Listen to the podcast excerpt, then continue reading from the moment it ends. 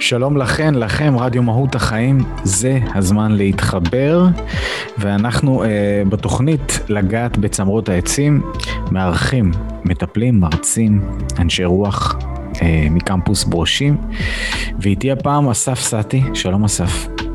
שלום וברכה. איזה כיף לשמוע אותך ככה קרוב למיקרופון, בקולך הנעים, ואסף, אני לא אוהב להציג את האורחים, אני מבקש מהאורחים שיציגו את עצמם. אני אומר, אם לא יעיד הנחתום על עיסתו, אז מי יעיד עליה? ולכן אני מבקש שתגיד לנו מי אתה. מגיע לכאן בכובעי אה, של פסיכודרמה, בתור מי שמלמד בפסיכודרמה, בתור מתרגל אה, של דרמה ובודהיזם, זה הכובע. לגעת בצמרות העצים. רדיו מהות החיים מארח מרצים ומטפלים מקמפוס ברושים לשיחות איזון, טיפול והתפתחות בראי גוף, נפש, רוח. מה אתה עושה? מה... פסיכודרמה, השם המלא זה בית הספר לתורת הנפש הבודהיסטית. אני אה, מזה למעלה מ-20 שנה אה, לומד את זה, מתרגל את זה. אה, יכול להגיד לך איך הכל התחיל. יאללה. אני זוכר את עצמי שוכב על... אני לא זוכר אם זה היה לארץ או על איזושהי קורסה בקופנגן. קורא לי ספר ומתלבט אם לנסוע לבורמה או ללאוס או לקמבודיה. ואז בין, בין דפי הספר, וצריך להגיד תודה לאוהד שרב, היה עמוד כזה עם uh, ריבוע על קורס של עשרה ימים, קורס ויפאסנה של עשרה ימים בוואטס וואן מוק, שהיה במרחק של מעבורת אחת, אחת מקופנגן, והקורס היה נפתח בראשון לכל חודש, וזה היה 31 לינואר, uh, 97.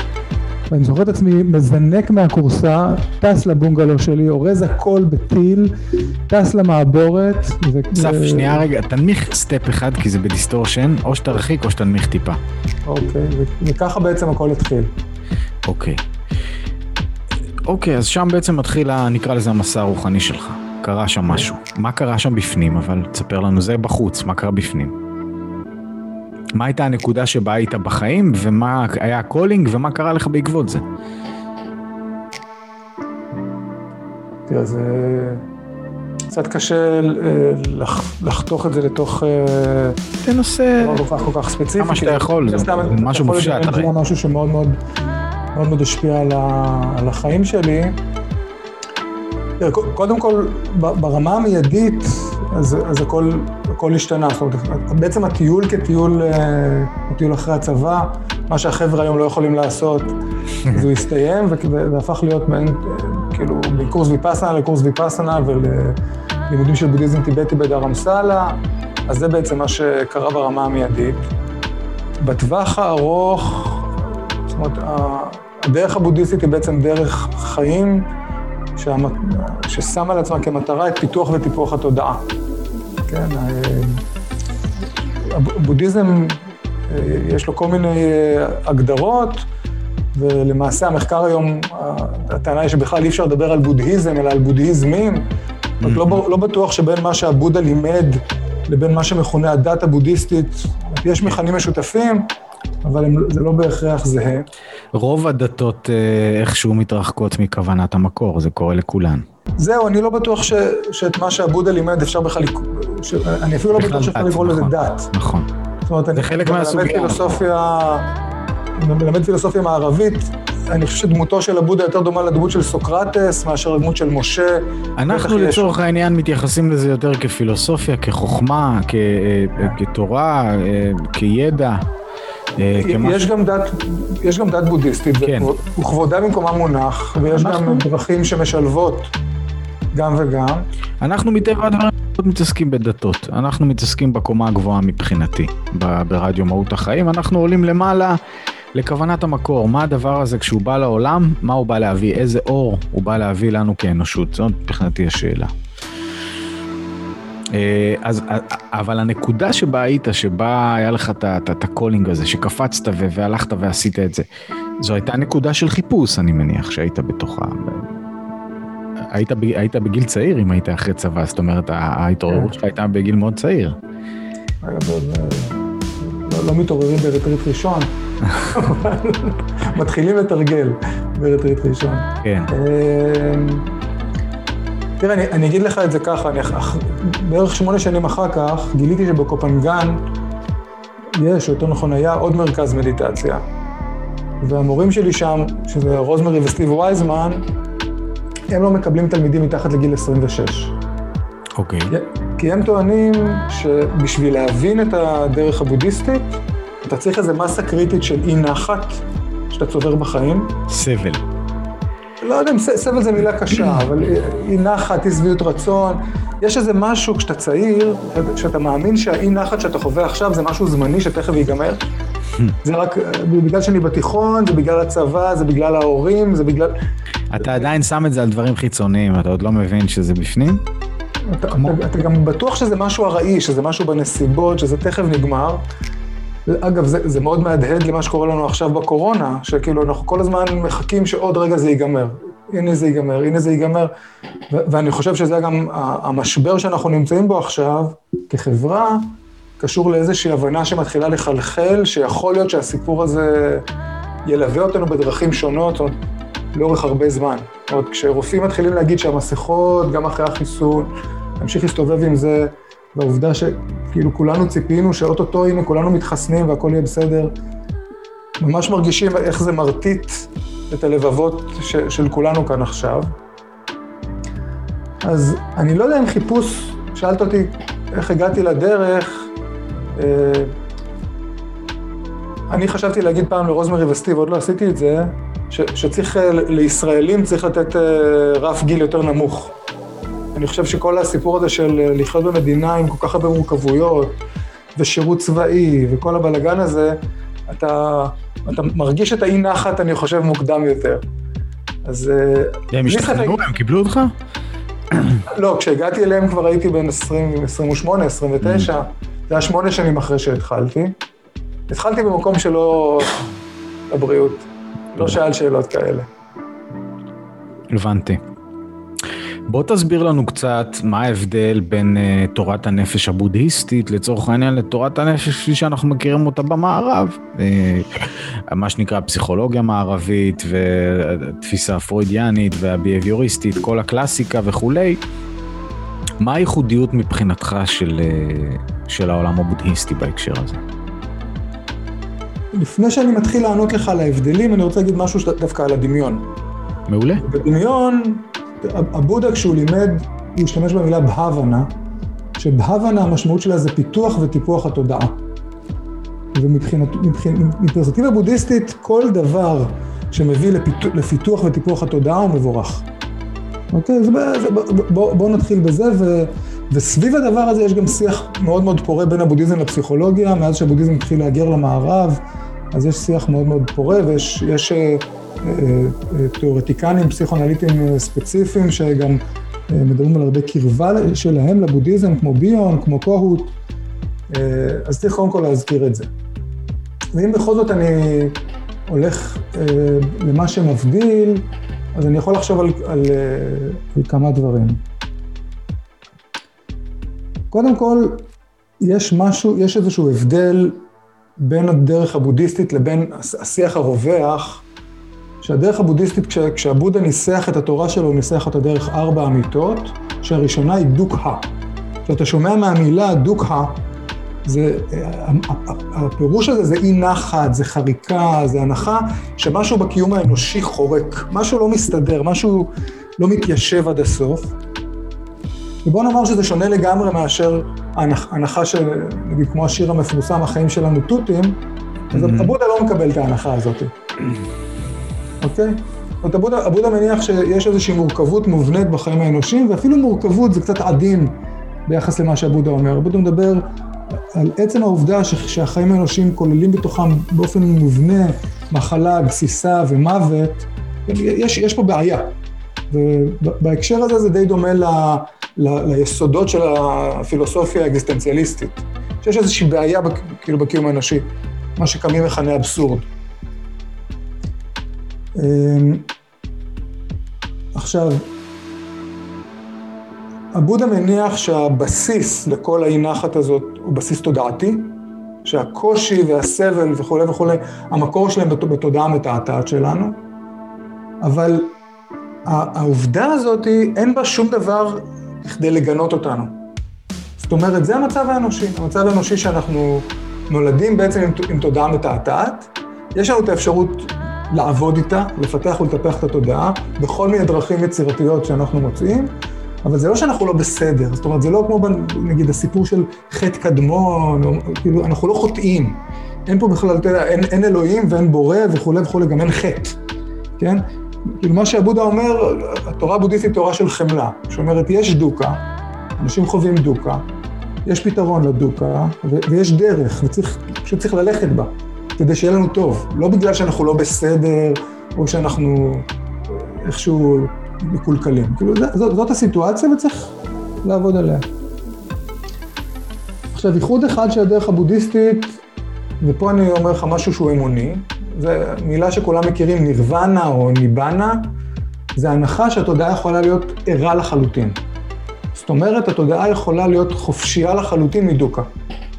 כן, אם אנחנו מצליחים לראות את המציאות בצלילות, אם אנחנו מצליחים להתגבר על התעתוע, יש חופש, יש חופש שהוא חופש מוחלט. ופה, אני, למיטב ידיעתי, זה הבדל אחד מרוב התורות הפסיכולוגיות, שבעצם אה, אה, יש פה איזשהו משהו נורא נורא אופטימי לגבי הפוטנציאל של התודעה, ובעיניי אה, זה קצת כמו כשאתה מלמד ילד לשחק כדורסל, אם אתה אומר לו, תשמע, אתה יכול להצליח ארבע, אז הוא יצליח ארבע, אולי חמש. אם אתה אומר לו, תשמע, הפוטנציאל שלך הוא עשר, אז כבר יש איזושהי אופטימיות בתוך הסיפור הזה.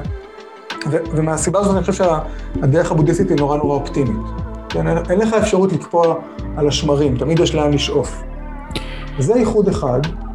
תגיד, סליחה רגע שאני קוטע, רק כדי לעשות סדר, מדברים על פסיכולוגיה ותורת הנפש. רוחניות, זאת אומרת, זה, זה, איפה אנחנו עושים את ה... או שבכלל לא, איך אתה רואה את זה? זאת אומרת, כשאני מסתכל על פן רוחני, בחיים שלנו אני מדבר על הנסתר, אני מדבר על תפיסה שהיא רחבה למשמעות הקיום, שיש בה איזה קונטקסט רחב, שיש משמעות לדברים. גם בהקשרים קרמטיים, שלכל מעשה יש סיבה, יש תוצאה, אנחנו משפיעים ומושפעים, ויש מס, גם משמעות למסע המשותף שלנו.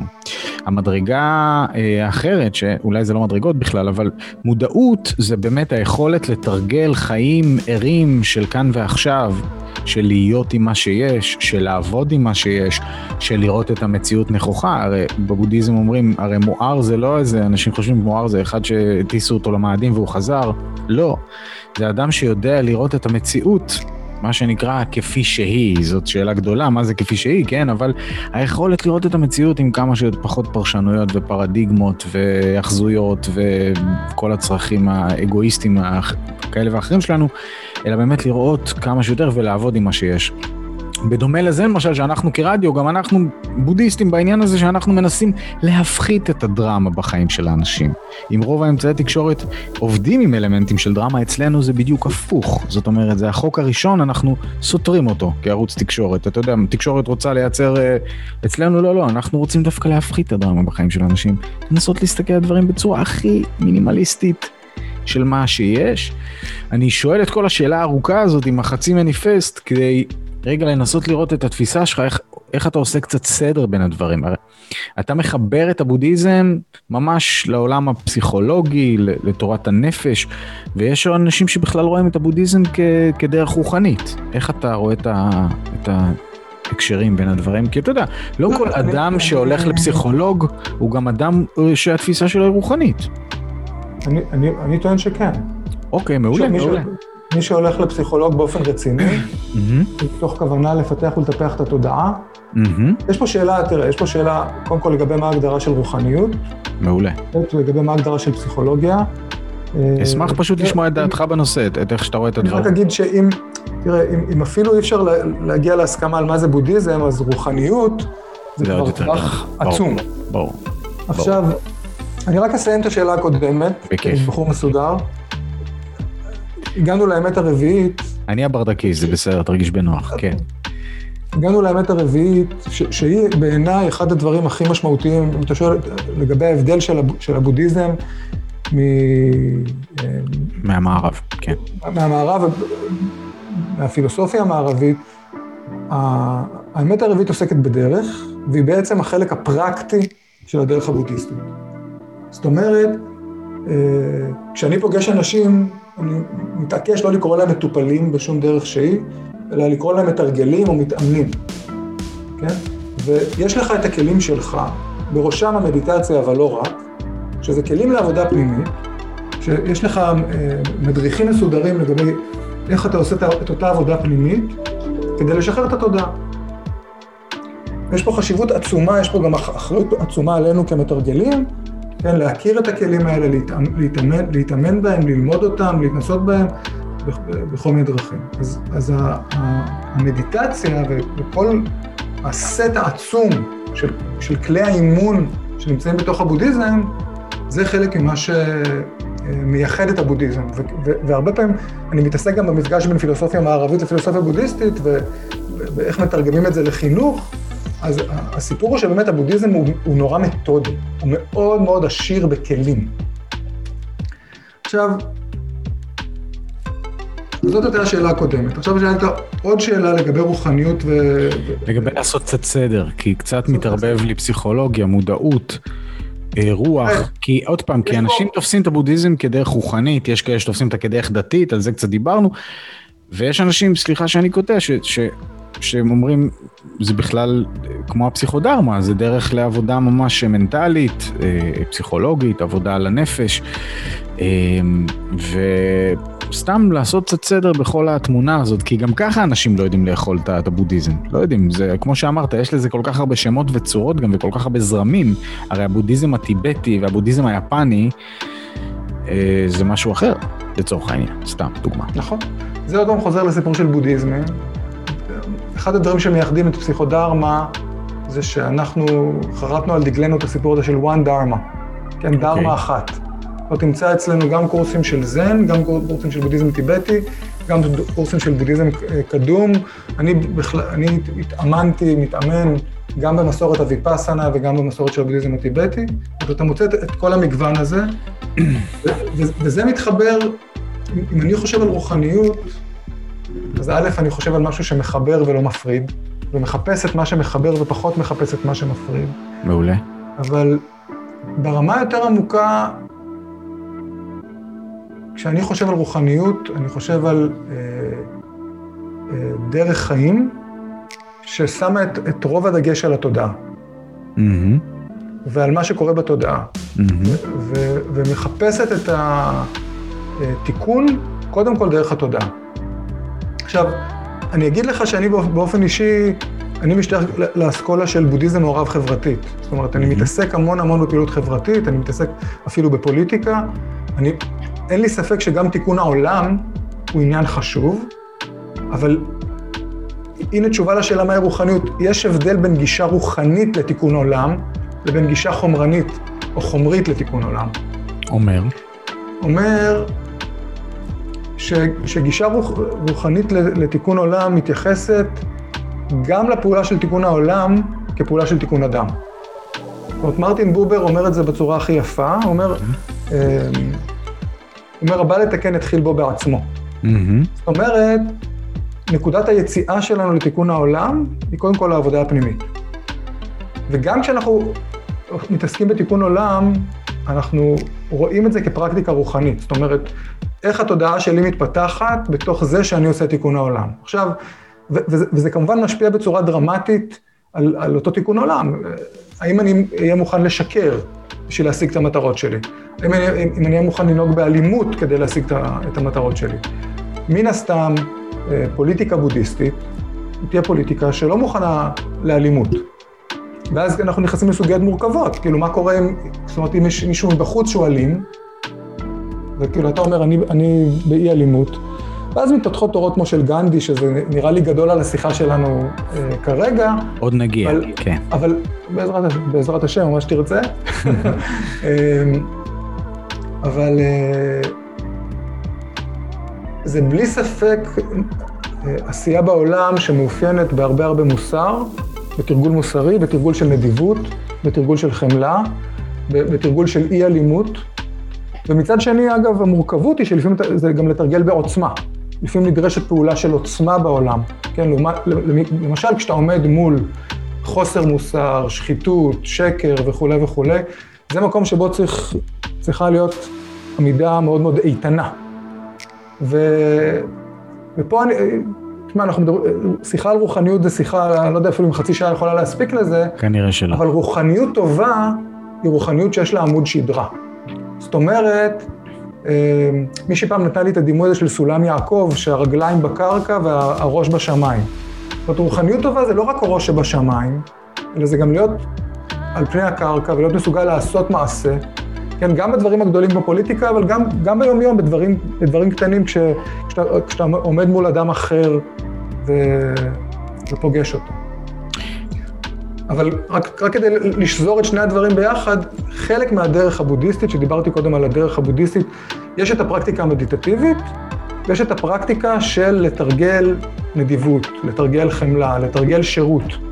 זאת אומרת, אם אתה שואל על משמעות החיים, מבחינת, מפרספקטיבה בודהיסטית, חוץ מזה שזו שיחה ארוכה, אני אגיד לך ש, שחלק מהסיפור פה זה להבין את השליחות שלנו בתוך העולם הזה, וש, ושהיא מתחילה בלשרת, ומתחילה בלהרבות טוב. זה, כן, זה הדבר שאנחנו רוצים לעשות כאן, אנחנו רוצים להרבות טוב. תודה. אמ, בתור מורה, אתה מלמד את זה הרבה שנים בברושים? אני מלמד את זה כמה שנים בברושים, במקומות אחרים, כן. אנחנו התכנסנו אה, מהחיבור עם ברושים, ורציתי לשאול שם ובכל מקום אחר, מה הכי חשוב לך כמורה לתת לתלמידים שלך? בהקשר של עולם הידע הזה כמובן, של מה שאתה מלמד. שאלה מעולה. תודה. קודם כל, א', אני אשאר איתה, אני חושב גם אחרי השיחה הזאת. תראה, מצד אחד, אם אני עונה ככה אינטואיטיבית... אינטואיטיבית, זאת התוכנית. יש את הסיפור של אה, המדיטציה. להכיר את המדיטציה ככלי שבאמת תרגול מאוד, היום יש מחקרים מדעיים שמוכיחים את זה, שתרגול נורא נורא פשוט שלו כבר מביא להפחתה בחרדה, והפחתה בהשתוקקות, והפחתה של כעסים. זאת אומרת, זאת, זאת מתנה כל כך פשוטה וכל כך טובה, שאני מאוד מאוד רוצה לתת אותה לכמה שיותר אנשים. דבר שני, זה, זה את הגישה הזאת של, אפילו בתקופה הזאת של הקורונה, אם אנחנו ניגשים לקורונה מתוך, מתוך ההבנה שהקיום האנושי לא אמור להיות פשוט, לא אמור להיות קל, זה לא אמור להיות כזה. כן, ש, ש, שהחריקה הזאת זה לא שמשהו לא בסדר. ושאם בתוך החריקה הזאת, תשמע, הרבה אנשים מדברים על זה שהם חווים רגרסיה נפשית בתוך הקורונה.